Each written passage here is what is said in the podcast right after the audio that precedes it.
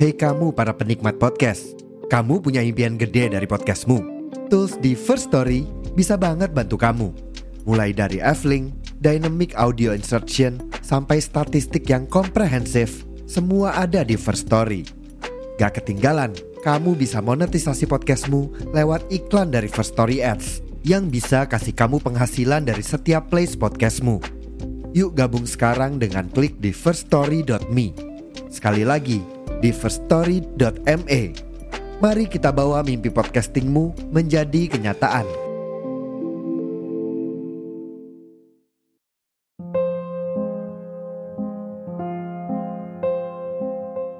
Halo penduduk bumi, ketemu lagi dengan aku manusia bercerita. Semoga manusia bercerita menjadi teman kalian sekarang, esok, dan sampai kapan pun itu. Terima kasih sudah mendukung dan untuk kalian yang ingin berbagi cerita, kalian bisa langsung saja kirim ke email podcastmanusiabercerita@gmail.com. Untuk kalian yang mau membuat podcast, kalian bisa memakai aplikasi Spotify for Podcaster atau bisa juga pakai aplikasi First Story. Oke, selamat mendengarkan. Di podcast kali ini, manusia bercerita akan mengangkat topik tentang belajar mencintai diri sendiri.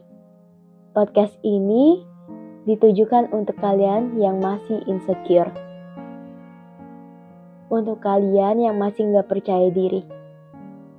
Aku cuma mau bilang, kalian unik dengan keunikan masing-masing.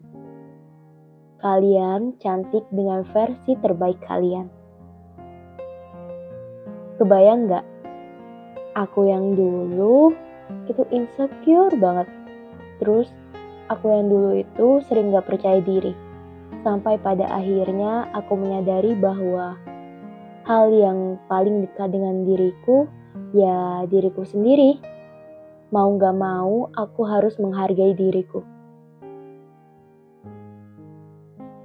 Udah banyak banget pengalaman yang pernah aku lewati waktu masa kecil masa kecilku gak jarang dihiasi oleh bulian-bulian, terus sering banget dikatain gajah, dikatain kuda nilah, pokoknya hewan-hewan yang bertubuh besar. Iya, aku besar dari waktu kecil. Di saat yang lainnya menikmati masa kecilnya dengan bahagia, aku ada beberapa trauma yang bahkan sampai sekarang masih kepikiran, terus sering buat overthinking. Mungkin beberapa perkataan bagi orang itu biasa aja, tapi menurut aku, kita nggak pernah tahu perkataan apa yang bisa menyakiti hati seseorang. Ya, bisa jadi perkataanmu gak sengaja buat luka dan membekas di hati seseorang. Hati-hati dalam berucap. Terus, berhubung ini tentang mencintai diri sendiri, aku mau cerita tentang pengalamanku. Pengalamanku sekitar 2 tahun silam belajar untuk mencintai diriku sendiri. Dari kecil, aku bertumbuh gemuk, terus aku juga pendek. Dulu aku malu banget, sering gak percaya diri, terus sering menutup diri juga. Bahkan waktu TK aku gak pernah main sama teman-teman. Yang lainnya tuh kayak main prosotan, terus main ayunan. Aku cuma berdiam diri di kelas, gak keluar-keluar. Karena waktu itu aku merasa bahwa duniaku gak senyaman orang lain. Terus uh, ada beberapa sekat yang membatasiku untuk bersosialisasi dengan mereka gitu. Terus uh, Terus singkat cerita waktu sekolah juga nggak jauh dari masa TK aku. Waktu sekolah di SMP juga kayak gitu. Aku pernah ngalamin kayak dibicarain bahkan aku dibilang kayak pohon lah, pohon beringin yang gede gitu. Terus ada juga yang bilang ya pokoknya kasar gitu. Dari situ aku sadar bahwa emang aku seburuk itu ya. Emang salah ya punya tubuh yang besar. Terus lanjut cerita waktu SMA. Waktu SMA, beruntungnya aku menemukan teman-teman yang baik. Ya walaupun ada beberapa orang yang aku tahu diam-diam berbicara buruk. Tapi nggak apa-apa. Dari situ, aku jadi sadar bahwa aku harus belajar mencintai diriku, merawat diriku, dan belajar untuk menghargai diriku lagi. Gak bisa disalahkan, memang saat itu aku bertubuh gemuk dan aku masih belum mengenal diriku seutuhnya. Sampai pada akhirnya, waktu 2019, tepatnya waktu kuliah. Nah, waktu kuliah itu aku mulai sadar bahwa penting banget untuk merawat diri. Merawat diri di sini bukan untuk keperluan orang lain atau membahagiakan orang lain, bukan. Tapi untuk kebaikan diri sendiri. Kalau kita merawat diri, pasti sehatnya juga buat kita. Bukan buat orang lain.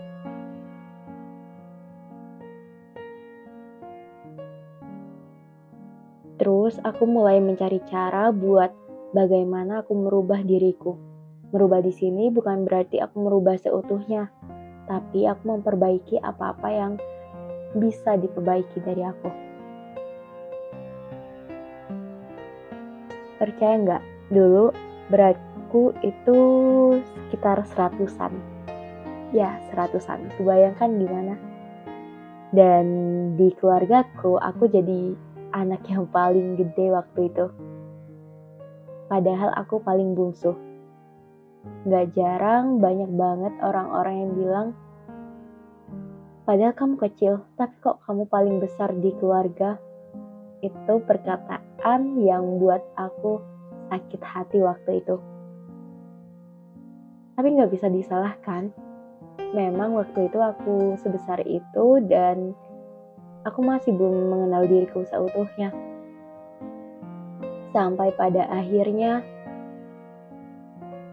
waktu berjalan di akhir 2019 di situ aku mulai sakit terus aku juga mulai ada beberapa hal yang membuat aku sadar bahwa kesehatan itu ternyata penting.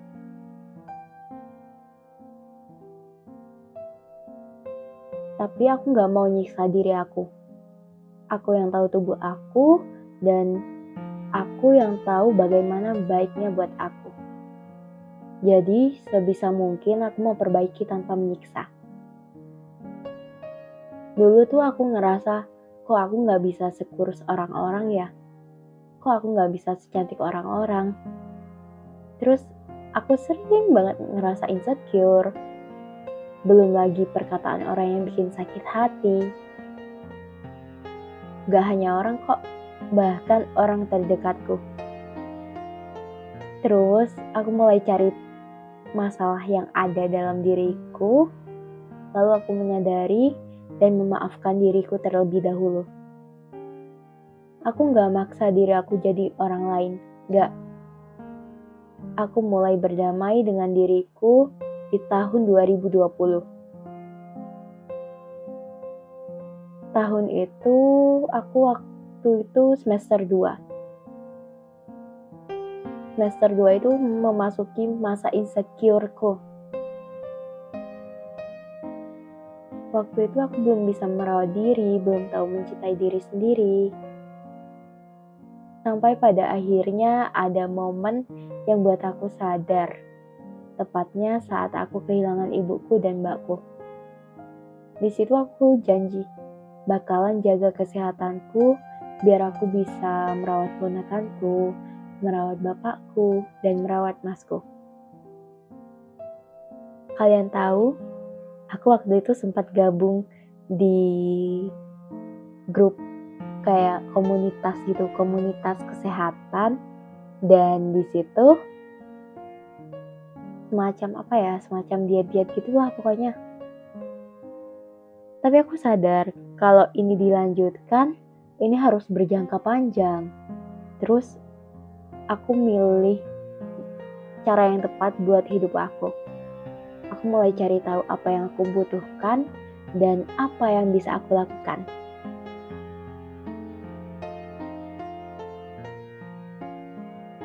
Berjalan beberapa tahun, puncaknya tuh mendekati semester akhir. Di semester akhir itu, sering banget lewat berandaku tentang motivasi hidup sehat, terus ada juga proses tentang diet gitu. Di situ orang-orangnya pada berhasil semua ternyata mereka nggak minum pakai obat diet lah, pil diet gitu nggak. Mereka mulai mencintai diri sendiri, belajar mencintai diri sendiri, lalu mereka mengenali diri sendiri, kayak apa yang dibutuhkan tubuh, terus uh, apa yang baik untuk tubuh gitu. Karena diri sendiri yang paling tahu ada juga aku waktu itu baca tentang buku-buku motivasi diet gitu. Dari situ aku termotivasi. Kalau orang lain bisa, kenapa aku nggak bisa? Tapi ternyata prosesnya itu panjang banget. Prosesnya itu nggak semudah apa yang aku baca.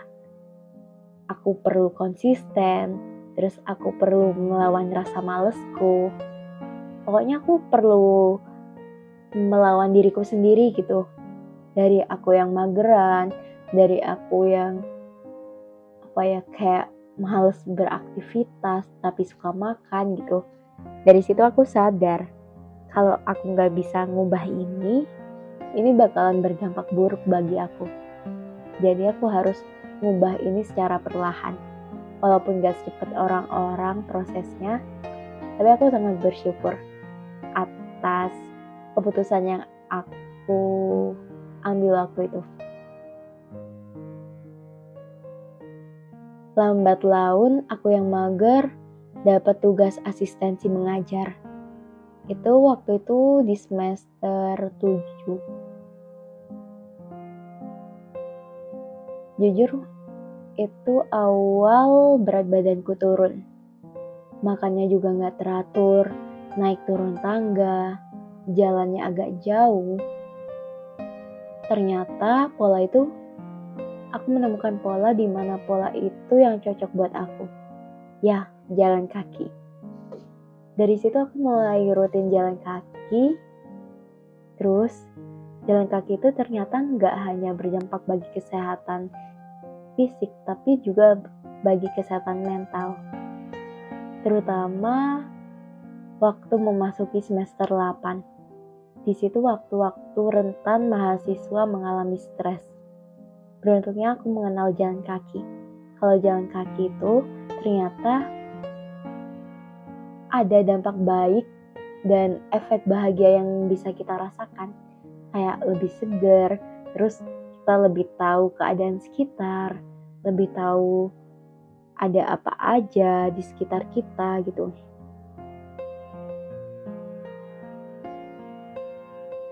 Selain jalan kaki, aku juga sering minum air putih, itu sekitar minimal 2 liter.